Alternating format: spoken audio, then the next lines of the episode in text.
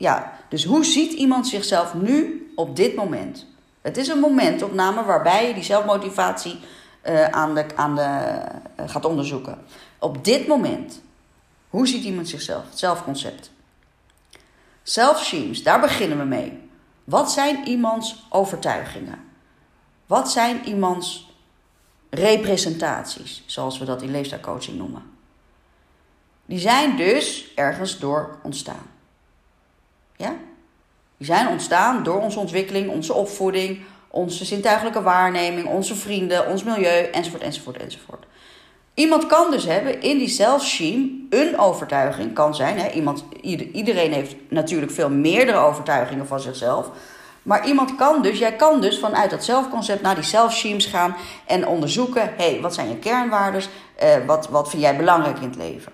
De persoon die kan dus zeggen: ik vind het belangrijk dat ik altijd voor iedereen kan zorgen. Dat vind ik belangrijk, dat vind ik fijn. Daar voel ik me goed bij. Dat is ook dus iemands emotionele overtuiging. Hè? Dus die self-teams gaan natuurlijk niet alleen maar cognitief, maar die gaan veel meer natuurlijk over emotie. Over hoe iemand zichzelf uh, gevormd heeft. De emotie die daaraan kleeft.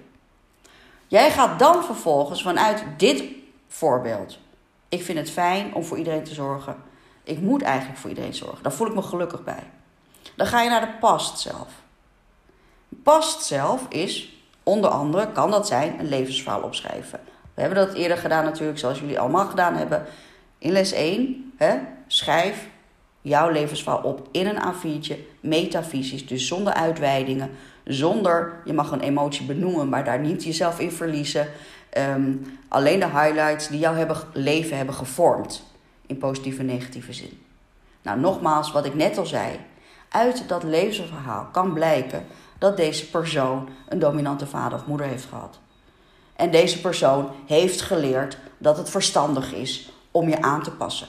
En deze persoon heeft geleerd om niet tegen iemand in te gaan. En deze persoon heeft door het past zelf geleerd dat het handiger is om, uh, om, om, om de ander tevreden te stellen. En deze persoon heeft geleerd dat je het best een ander tevreden kan stellen om jezelf op de achtergrond te zetten. Hé, hey, dat is interessant. Nu ga je zeggen tegen jouw coachie: kan jij zien? Zie jij een relatie met jouw past zelf? En deze self-shame, namelijk: ik moet altijd voor anderen zorgen.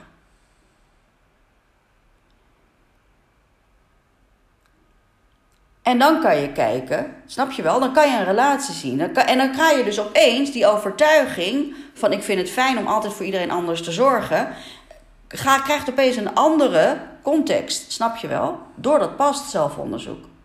Als je die past zelf met de huidige overtuiging, huidige kernwaardes, huidige emotie, nu gaat trekken naar de present self, hoe iemand nu in het leven staat, kan je dus op het, de present self, kan je onderzoeken met jouw cliënt, is dit nog steeds zinvol?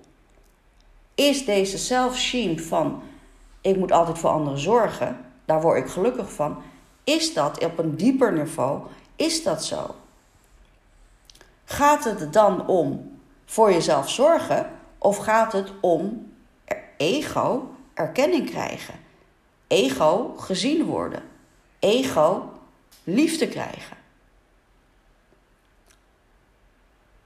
Dit moment is, is, is, is, is de present self, dus de koppeling van iemands overtuiging naar iemands verleden, naar hoe iemand nu naar zichzelf kijkt, is vaak een hele pijnlijke coachsessie, kan ik jullie wel vertellen.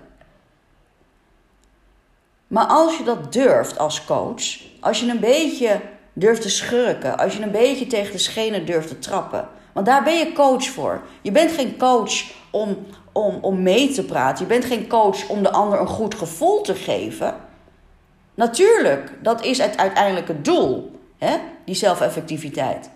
Maar wat is nou zelfeffectiviteit als iemand trucjes leert? Weet je wel? Wat is nou zelfeffectiviteit als iemand zich blijft herhalen in oude patronen, omdat hij niet dat zelfconcept heeft onderzocht? En, en, en deze momenten van het onderzoek van iemands kernwaarden, iemands zelfschema's, iemands zelfrepresentaties, naar iemands verleden, naar die koppeling, hoe iemand zich nu ziet, naar die koppeling door te vragen van hé, hey, hoe zie jij die overtuiging nu als jij zo jouw levensverhaal opschrijft? Hoe zou dat jouw leven nu beïnvloeden? Hoe komt het dat wanneer jij denkt, overtuigd bent, dat voor een ander zorgen het belangrijkste is in jouw leven, hoe komt het dan dat je nu zoveel stress ervaart? Hoe komt het dan dat je nu tegen een burn-out loopt? Heeft dat misschien te maken met dat past zelf?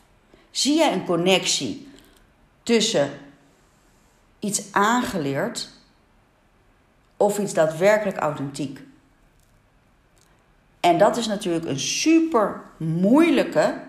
En nogmaals, jongens, ik weet niet of dit nu bij jullie past. Zeker niet in deze fase van jullie coachontwikkeling. Uh, maar als coach kan je dus afvragen: hoe authentiek is iemand? Weet je wel, we streven allemaal naar die zelfeffectiviteit. We streven allemaal naar autonomie. Maar hoe autonoom is iemand? Hoe autonoom is iemand als hij het heeft geleerd? Want als iets een overtuiging is dat geleerd is, hoeft dat nog niet iemands authentieke zelf te zijn. Snap je wel? En hier komt een zo een mooi, ja, ik vind het altijd een prachtig stuk, want dat zijn mensen bij mij in mijn, mijn doelgroep is is, is 45, 55. Ik heb natuurlijk ook klanten van, van 62 en ik heb ook klanten van 18. Maar dit is primair mijn doelgroep. Die houden zich ook natuurlijk bezig met dit soort vraagstukken.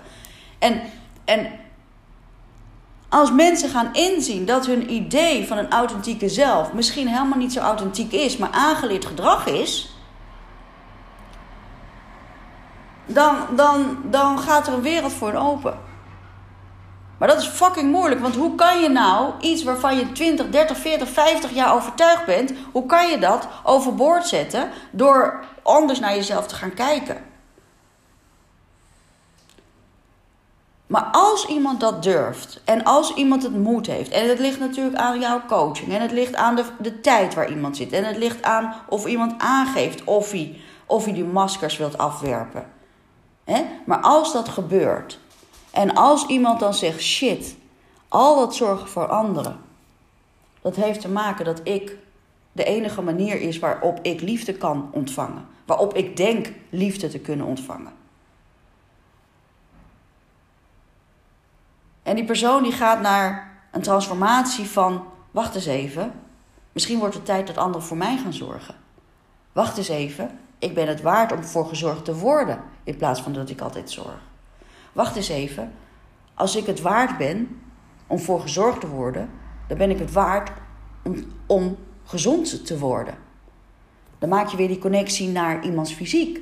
Wacht eens even, als ik echt, echt durf te kijken wat ik zelf wil.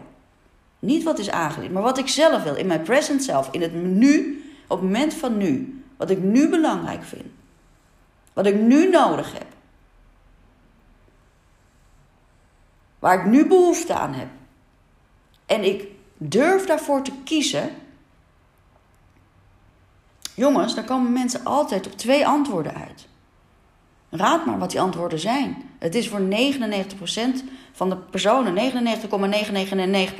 van de mensen, is de vraag: wat vind jij belangrijk in het leven? Zijn twee antwoorden. Namelijk liefde en gezondheid.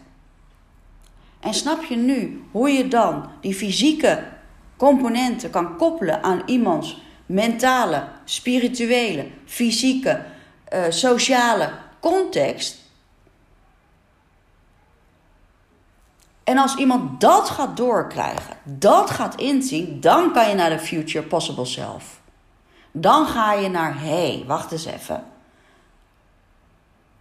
Hoe gaan we dat realiseren? Hoe zorg ik ervoor dat ik inderdaad dus hè, die 30 kilo eraf haal? Wat levert het mij op? Terug naar die motivatieformule. Maar vooral, welke emotie hoort erbij? Hoe zie ik mijzelf dan? Hoe ervaar ik mezelf dan? En dan heb je dat zelfconcept compleet. En dat gaat niet altijd in één sessie natuurlijk. Er gaan misschien wel twee, drie, vier sessies overheen. Maar als mensen hier terechtkomen, dan ga je echt naar transformatie.